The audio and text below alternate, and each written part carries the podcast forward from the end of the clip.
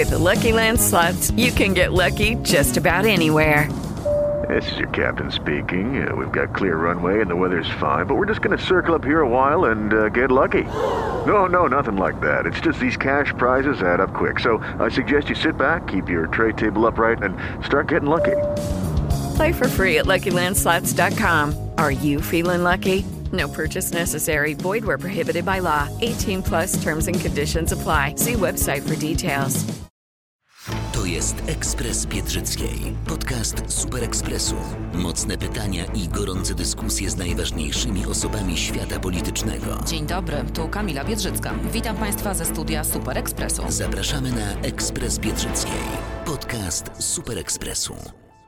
Państwa gościem generał Waldemar Skrzypczak, były dowódca wojsk lądowych. Dzień dobry. Witam panią, witam państwa. Panie generale, od takiego aktu symbolicznego zacznijmy, e, który wczoraj e, został wystosowany przez senatorów. E, jednogłośnie przyjęli mm, no, taką rezolucję, tak to nazwijmy, uznającą Federację Rosyjską za państwo terrorystyczne. Czy Pana zdaniem e, takie gesty w ogóle mają jakieś znaczenie dla wojny, dla morale jednej albo drugiej strony? Że jakiś parlament w jakimś państwie, czy jakaś izba parlamentu e, taką rezolucję podejmie, czy po prostu trzeba to robić dla zasady? To jest gest w wymiarze politycznym, on w zasadzie żadnego przełożenia na to, co się będzie No, działo na froncie mhm. nie ma i nie robi na nim to na nikim, a szczególnie na. Kremlu żadnego wrażenia. Natomiast politycy robią to dla siebie przede wszystkim. Ale rozumiem, że wątpliwości co do tego, że Rosja jest krajem terrorystycznym, pan już dzisiaj nie ma. Nikt nie ma. Znaczy ja nie sądzę, żeby był ktokolwiek poza Moskwą i poza Rosjanami yy, przekonany, że to nie jest państwo terrorystyczne. Jest to terroryzm w najgorszym wydaniu i ta eksterminacja narodu ukraińskiego świadczy o tym, że to państwo przekroczyło wszystkie możliwe granice. To już można nazwać eksterminacją narodu? Ja to nazywam eksterminacją, bo jeżeli t- dokonuje się takich mordów, e, atakując miasta rakietami, różnego ro- rodzaju systemami rażenia i zabija się ludność cywilną, no to jakie to ma, co ma to wspólnego z bijatyką wojskowych? Wojskowi po prostu przekroczyli tą, tą linię, której nigdy nie powinni przekroczyć, bo zaczynają mordować cywili.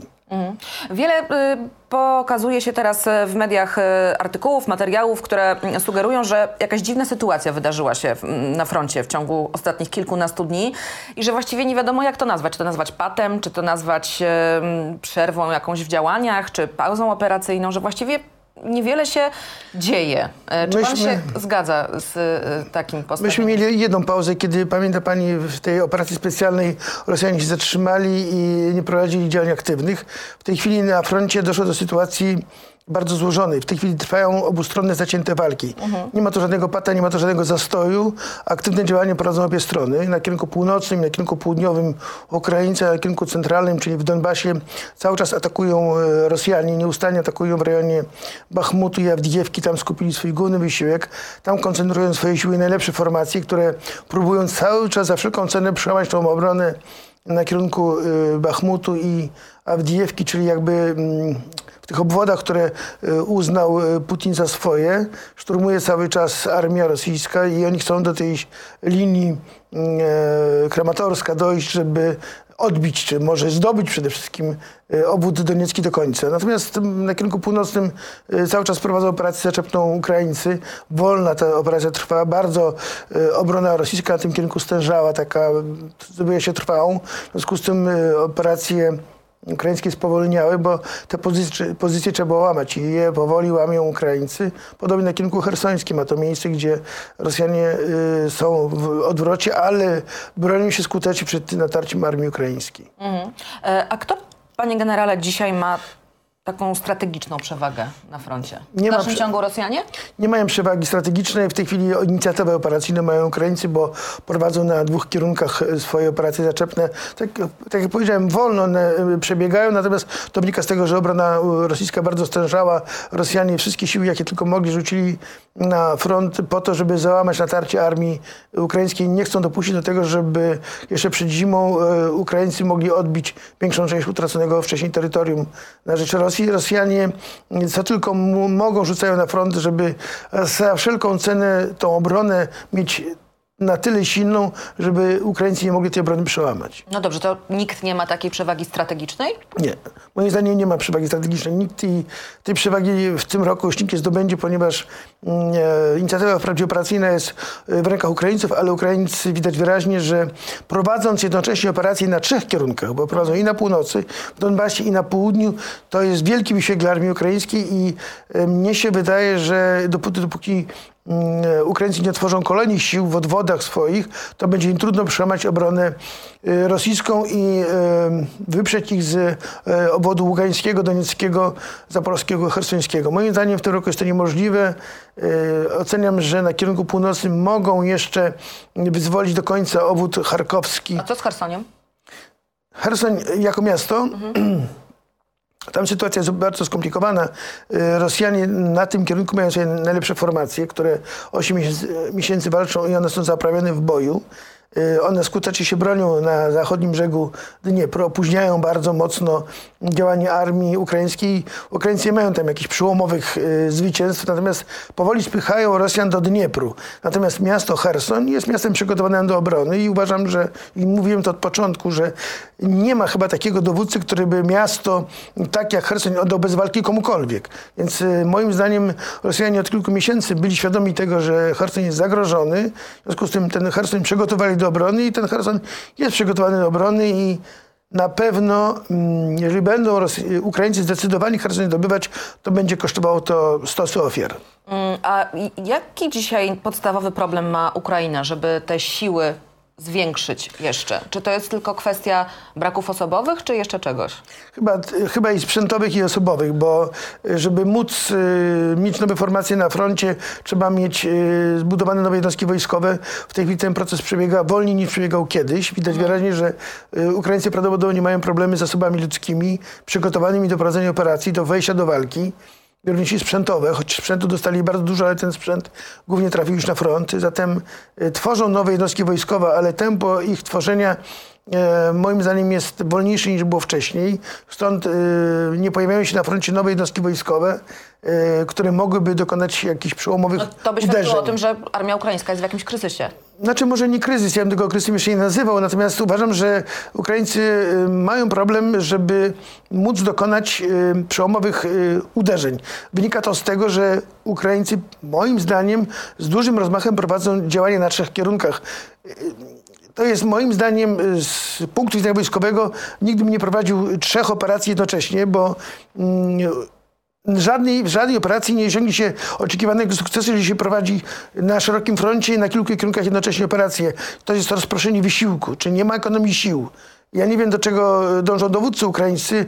Ja Podzielam ich wiarę w to, że wygrają i absolutnie jestem co do tego przekonany. Natomiast nie dzieliłbym y, tak wysiłków na cały front, tylko bym skupiał na jednym kierunku, tam gdzie dążyłbym do jednego rozstrzygnięcia, takiego, które by mi dało sukces w skali operacyjnej. Wiele tygodni ostatnio mówimy o tym, że mm, Kreml zaczął bardzo mocno używać tego straszaka atomowego, że to jest sytuacja, w której właściwie Putinowi nie pozostało wiele więcej i dlatego też tej broni atomowej ostatecznie nie użyje, bo wtedy y, wypadnie mu z rąk ostatnie narzędzie, którym może straszyć. I y, pojawiają się teraz teorie mówiące o tym, że Putin przyjął nową strategię, czyli już odkłada na bok straszak atomowy, mm, a zaczyna kontynuować w bardzo silny sposób tą strategię atakowania dronami, w czym bardzo mu pomaga Iran.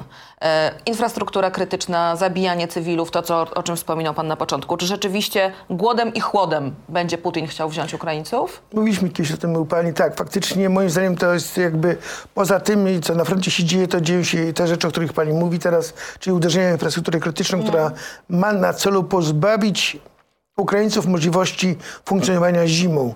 Yy, chce doprowadzić Putin do kryzysu humanitarnego, czy do klęski humanitarnej na terenie Ukrainy poprzez to, że pozbawi Ukraińców, y, ludność ukraińską możliwości y, dostępu do prądu, do wody, do ciepła, do ogrzewania. Wszystko to, co pozwala przetrwać zimę. Na pewno ta zima będzie dla Ukraińców dotkliwa, dlatego też tak apeluję do wszystkich tych, którzy wspierają Ukrainę, żeby poza pomocą wojskową również pomocy humanitarnej udzielali, żeby Ukraińcy mogli tę zimę przetrwać, bo mm, niektórzy mówią, że y, przez to, że będzie zima, to Ukraińcy będą znowu uciekać z Ukrainy. Nie, ci, którzy mieli uciec, dawno uciekli. No ale jak będą musieli uciekać przed nieogrzewanym domem w, przy, minus 20-stopniowym mrozie, no to... pani co, ci Ukraińcy są zdeterminowani. Ci, którzy zostali, oni wiedzą, co ich czeka. Yy, trzeba znać trochę Ukraińców, żeby zrozumieć ich psychikę. Trochę ich znam i wiem. Nie grozi nam nowy ym, taki kryzys humanitarny będzie... granicy na nie. przykład? Uważam, że jeżeli, skala, y, jeżeli będzie taki kryzys, to będzie jego skala niewielka, nieporównywalnie mniejsza niż ta, która była wcześniej. Y, Dlatego też trzeba Ukraińców wspomagać, ponieważ ci, którzy zostali na Ukrainie, oni nie chcą uciekać już nigdzie. To są ci, którzy zdecydowani są nawet żyć w skrajnych warunkach, ale żyć będą, dlatego też trzeba im pomóc i na tym powinna być skupiona nasza szczególna uwaga.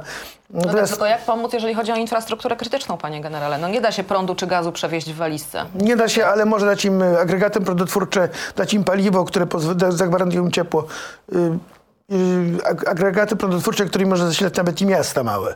Mieliśmy to w Iraku, wiemy, czy w Afganistanie. Mhm. No wiemy, właśnie, jak to wyglądało? To jest agregat, który wielkości konteneru jest, który ma e, taką moc, jest zasilany oczywiście olejem napędowym, który ma taką moc, że jest w stanie zasilać małe miasteczko. I wydaje się, że, e, że to trzeba zrobić i trzeba tak Ukrainie pomagać, żeby te miasta, ta ludność w małych miastach, dużych miastach mogła przetrwać dzięki temu, że dajemy im prawo, znaczy możliwość korzystania z energii elektrycznej. To jest podstawa do wszystkiego. Panie generale, co pan sobie pomyślał, jak pojawiły się te informacje mówiące o tym, że Siergiej Szojgu rozmawiał ze swoimi odpowiednikami e, z Francji, Wielkiej Brytanii e, i Stanów Zjednoczonych e, i że dali mu możliwość tego, aby opowiadał swoją narrację o brudnej bombie szykowanej przez Ukraińców? No właśnie, to jest dla mnie zaskakujące, że ktoś jeszcze odbiera telefon od Szojgu. Wszyscy mówimy od y, 24 lutego, że Szojgu, jego ekipa to mordercy, którzy eksterminują naród, naród ukraiński i Szojgu jest na tyle, ma tupet. Dzwoni do ministrów obrony narodowej, a oni z nim rozmawiają No o brudnej bombie i potem oni te informacje, które on im przekazuje, rozpowszechniają. I To mało jest- tego, później propaganda rosyjska wykorzystuje to, że no proszę bardzo, cały świat z nami rozmawia. uwiarygadniają w ten sposób Szojgu i reżim Putina. To jest dla mnie, bym powiedział, absolutnie destrukcyjne działanie tych ministrów, że w ogóle z nim rozmawiają. Ci ludzie powinni być odcięci od jakichkolwiek kontaktów ze światem zewnętrznym. Nie mają prawa ich uwiarygadniać politycy Zachodu, bo jeżeli oni rozmawiając z Szojgu uwiarygadniają jego i reżim Putina, jakby dając im prawo do tego, żeby nadal funkcjonowali. A przecież myśmy ich wszyscy, cała opinia światowa, pozbawili tego prawa w wyniku tego, że dokonali agresji na Ukrainę. Nie rozumiem polityki i to jest takie niespójne dla mnie i to jest wbrew temu, czego oczekuje od nas żołęski naród ukraiński. Niektórzy twierdzą, że nawet rozmowa z wrogiem jest lepsza niż brak rozmowy. Pani co, ja nie wiem, myśmy mieli... Tyle razy politycy rozmawiali z Szojgu i tyle razy przekonywali Putina i Szojgu też, żeby odstąpili od tej wojny, to mam pytanie, to po co tyle, y, kontynuować te rozmowy? Skoro oni do tej pory nie zrobili nic, żeby zmienić swoją narrację, swoją retorykę, swoje działania, to po co ich uwiaryga- uwiarygadniać? Oni się na tyle skompromitowali, że jak można rozmawiać jeszcze ze skompromitowanymi dłużej? To podważa wiarygodność tych polityków absolutnie. To po pierwsze. Po drugie, podważa naszą y, spójną, wydawałoby się, strategię y, traktowania Rosji. W sposób absolutnie wrogi, bo my nie możemy ich traktować inaczej, przecież oni eksterminują ludzi, mordują ludzi i my teraz jakby rozmawiając z tymi ludźmi, uwiarygadniamy to, co oni robią, czyli jakbyśmy potwierdzali, róbcie to dalej. Tak nie wolno robić. Absolutnie nie zgodzę się z tym i, i jako żołnierz twierdzę, że jest to dla mnie, jak zwykle politycy są słabi, oni nie potrafią mieć swojego jakiegoś stanowiska jednoznacznego i jak, jak do nich zadzwoni Putin, do, do kogokolwiek polityków zachodnich, będą też z nim rozmawiali. Niepojęte jest to dla mnie. A co pana zdaniem, e, czy, albo inaczej, czy my w ogóle możemy postawić jakieś tezy dotyczące tego, co dzieje się na Kremlu w obliczu na przykład bardzo słabej i zakończonej już mobilizacji do e, armii rosyjskiej? Znaczy, wie pani, 咳 to, co się dzieje na Kremlu, jest przedmiotem spekulacji we wszystkich No mediach. właśnie. Znów się ostatnio pojawiły jakieś informacje o złym zdrowiu Putina, o kucharzu Putina, że jest dla niego zagrożeniem, o tym, że bliscy Putina się martwią, bo schudł. Niektórzy nawet uważają, że to są specjalnie puszczane przez Rosjan e, takie wrzutki, Dokładnie. e, żebyśmy się tym na Zachodzie tutaj interesowali. emocjonowali. Tak. Ma pani rację, absolutnie nie proszę zauważyć, że wszystkie media żyją tym, jaki jest stan zdrowia Putina. My nie, my już My przestaliśmy. nie, ja też nie. Jak jest ten jego zdrowie, jak jest ten jego psychiki, kto z jego otoczenia jest przeciwko niemu, kto z nim. Mhm. Nie spekulujmy, czekajmy na rozstrzygnięcia. Osiem miesięcy nie wydarzyło się nic takiego, czego oczekiwaliśmy. Więc nie łudźmy się, że e, te spekulacje odnoszą się do rzeczywistości, która ma miejsce na Kremlu. To jest gra e, Kremla i widać wyraźnie, że media są tak zmanipulowane, że reagują na to, co Kreml chce nam przekazać. Czyli przewrotu na Kremlu nie będzie. Nie będzie, Raczej. bo jeżeli miał być, to już byłby dawno. W tej chwili, Mhm. e, moim zdaniem, jeżeli do tej pory tego przewrotu nie było, to moim zdaniem tego przewrotu nie będzie. To kto i jak może tę wojnę zakończyć, panie generale? Politycy.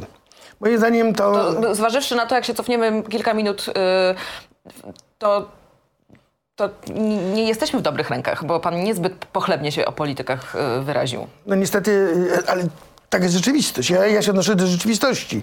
Politycy, zresztą to widać po sondażach, jak ocenieni są politycy na świecie i u nas. Tak. No dobrze, politycy złudzeń. zakończą tę wojnę. W jaki To sposób? znaczy, to, na, y, znaczy, to będzie, mm, jak, jak y, drugą wojnę światową zakończyła Wielka Trójka, Mhm. to y, tą wojnę na Ukrainie zakończy Wielka Dwójka. To znaczy? Chiny i Rosja. Przepraszam, Chiny i Stany Zjednoczone.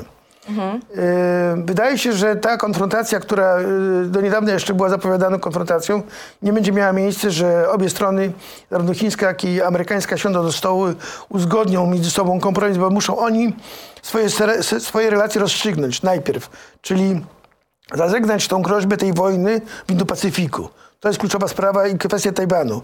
I Amerykanie i Chińczycy muszą być na, wobec siebie na jakieś ustępstwa, które... Czyli wojna po- w Ukrainie w ogóle się nie skończy w Ukrainie. Nie, nie skończy w Ukrainie. Oni dojdą, znaczy porozumieją się, dojdą do kompromisu i potem po, w wyniku tego kompromisu, bo ta, ta wojna dotyka wszystkich, i Amerykę, i dotyka też i Chiny przecież, ekonomicznie głównie. W związku z tym, że sytuacja ekonomiczna ma duży wpływ na decyzje polityczne, politycy ci, tych dwóch, ta Wielka Dwójka, porozumieją się i powiedzą Putinowi i Żeleńskiemu koniec wojny. Dlatego tak Żeleński się spieszy, żeby jak najwięcej mm, tej ziemi ukraińskiej wyzwolić, bo ma świadomość tego, że to nie on zadecyduje o końcu wojny i, i ta wojna nie będzie rozstrzygnięta na polu bitwy. Nie łudźmy się, to nie wojskowi zdecydują o zakończeniu wojny. O tym decydują politycy, ta Wielka Dwójka. No to dopóki ta wielka dwójka poukłada sobie swoje sprawy, Tajwan na przykład, no to może minąć sporo czasu. Tak może być, że to minie nie sporo czasu. Ja nie wiem, jaka jest wola polityczna w Pekinie i Waszyngtonie, ale moim zdaniem czas dojrzewa poli do tego, żeby takie decyzje zostały podjęte, bo i tu nie chodzi o skalę ofiar w tej chwili, bo ona jest ogromna oczywiście, natomiast tu chodzi o interesy obu stron. I zarówno y, amerykańskie interesy w Europie i na innych kontynentach, tak samo i chińskie interesy, ponieważ ta wojna szkodzi ekspansji ekonomicznej y, Chin i w związku z tym Chińczycy Czyli, dostrzegają. to, czyli pieniądze mogą po prostu też o tym Tym bardziej, że wie pani, jeżeli do tej pory w konfrontacji bardzo mocno Chińczycy liczyli na Rosję jako partnera swojego, na ich potęgę militarną, Tak. to Chiny utraciły swojego, wydawałoby się, najsilniejszego do niedawna partnera czy sojusznika i Chiny są bardzo rozczarowane Rosją. I to powo- spowoduje moim zdaniem to rozczarowanie, to zawiedzenie się Rosją, jej postawą, jej siłą czy brakiem siły, spowoduje to, że Chińczycy będą inaczej rozmawiali z Amerykanami, bo nie mają tego oparcia w Rosji, na którą tak bardzo w konflikcie y, w Indo-Pacyfiku liczyli. E, To proszę mi wytłumaczyć, panie generale, e, jaki cel ma Iran e, w zaangażowaniu się po strony Rosji? To jest tylko na tej zasadzie, że autorytaryzmy po prostu lubią się wspierać, czy chodzi o coś jeszcze? Znaczy, wie pani, to jest powiązanie. Chiny bardzo znaczy, prowadzą silną ekspansję na Bliskim Wschodzie, również i na terenie Chin, w tej chwili, znaczy na terenie Iranu. Budują swoje bazy morskie nad Morzem Arabskim, między innymi właśnie w Iranie, gdzie relacje te wojskowe, polityczno-wojskowe, ekonomiczne też z Iranem są bardzo mocne. W związku z tym, że Chiny nie chcą wspierać bezpośrednio Rosji, to robią to za pośrednictwem Iranu. I Iran mm, moim zdaniem tutaj bardzo mocno y, jest wplątany w tą politykę, którą prowadzą Chiny e, przeciwko Ameryce na Bliskim Wschodzie, ale to jest tak, konsekwencją tego jest zaangażowanie Iranu w Rosji i przekazywanie im sprzętu e, Rosjanom, choć Wie pani, wspomniała pani wcześniej o tej, tej wojnie dronowej, o tych, o tych dronach. Tak. To nie jest takie kluczowe w tej chwili, kiedy y, Ukraińcy mają takie systemy rażenia, jakie dostają z zachodu, mają możliwości zwalczania właśnie mówią, dronów. że nie za bardzo mają. No strzelają do nich z karabinów maszynowych. No bo te drony y, irańskie nie są takie wcale rewelacyjne, jak niektórzy mówią. One mają w sumie, moim zdaniem, mały ładunek wybuchowy. One są wrażliwe na broń, tas- taką strzelecką broń przeciwlotniczą. Tylko teraz y, kluczową kwestią dla mnie jest, moim zdaniem, to jest to, żeby móc do tych dronów strzelać nie rakietami, które są droższe niż ten dron, niż ten dron ale amunicją programowalną. To jest taka amunicja, która pozwala bardzo precyzyjnie zwalczać drony i jeżeli Ukraińcy taką będą mieli amunicję programowalną, o co apelowałem dawno do polskiej armii, to nie będą mieli problemu w ogóle z dronami. Mhm. No dobrze, a drugi aktor, który ostatnio dołączył e, do, na, do, do, do tej sceny działań, no może nie wojennych, ale wokół wojennych, czyli Izrael. E, wiadomo, że mieliśmy zniszczenie e, fabryki dronów i, i, i rakiet irańską, e, nie na terenie Iranu co prawda, no ale jednak trudno to interpretować inaczej niż jakąś formę zaangażowania Izraela w tę wojnę, który jednak broni się bardzo mocno, żeby na przykład przekazać Ukrainie bardzo nowoczesne systemy obrony powietrznej. Znaczy jestem trochę zaskoczony, ale wie pani, byśmy tu liczyli też na to, że Izrael przekaże system Iron Dome, to jest też lanca Kopuła, która jest Tak. doskonałym systemem dla obrony przeciwlotniczej. E, Izrael nie przekazał, ale to wynika też z tego, moim zdaniem, z relacji politycznych, jakie są e, w Izraelu, gdzie jest bardzo dużo ludzi, którzy są związani z Rosją. Przecież my pamiętamy, przed chyba 10 lat taka duża emigracja ponadmilionowa z e, Rosji do, Ukra- do, do Izraela i oni mają bardzo duże wpływy w parlamencie izraelskim i oni blokują, blokują decyzje polityczne, żeby pomagać e, Ukrainie. I to moim jest głównym powodem tego, że jest takie stanowisko Izraela, które No ale są jeszcze Stany Zjednoczone, które mają mnóstwo narzędzi, żeby na Izrael naciskać. No znaczy, myślę, wydaje, jednak mi się wydaje, że dużą niezależność ma y, y, Izrael, jeżeli chodzi o politykę z Stanami Zjednoczonymi, dlatego że, że w Stanach Zjednoczonych jest też dużo ludzi, którzy są mocno związani z Izraelem i oni też mocno wspierają y, w y, kongresie działania Izraela. Izrael się nie zaangażował jeszcze dlatego, moim zdaniem, że właśnie jest silna opozycja w stosunku do tych, którzy chcą wspierać Ukrainę, a nie chcą popierać Rosji. Izrael generalnie ma w sobie tyle sił politycznych, które powodują to, że e, Izrael oficjalnie nie chce popierać e, Ukrainy.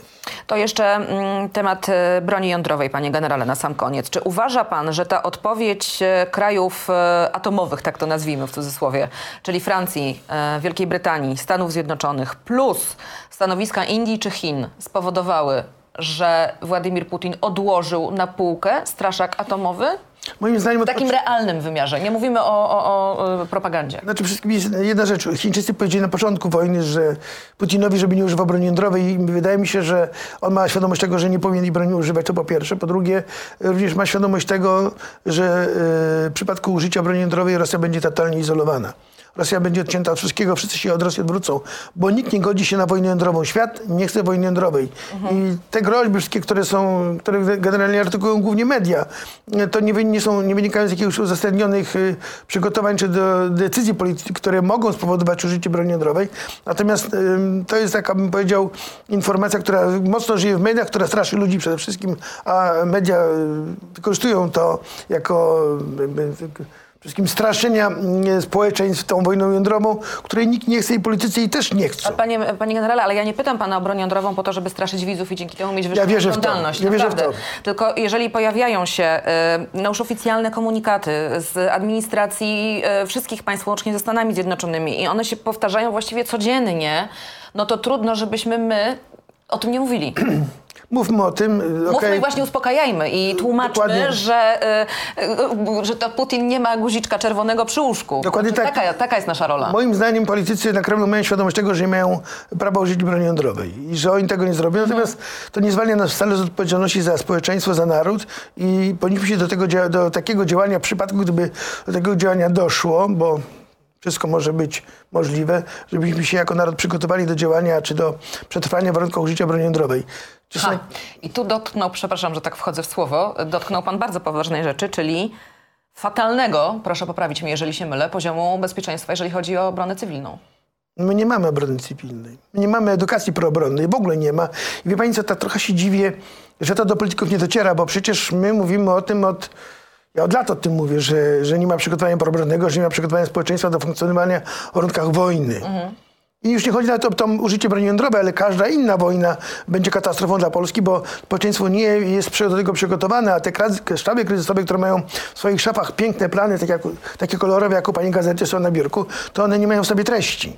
Nie mają w sobie treści, żadnych takich, które by e, przede wszystkim przygotowały ludzi do tego, jak e, funkcjonować, jak zachowywać się w warunkach użycia broni jądrowej. Wie pani, to jest tak jakby teraz ogłoszono w Warszawie alarm e, poprzez syreny. Ja nie wiedziałabym, co robić. Nie, wie pani, co by się stało? To by się stało... Co Panika się... Nie, to by się stało to, co się dzieje zawsze 1 sierpnia o godzinie 17, godzina W.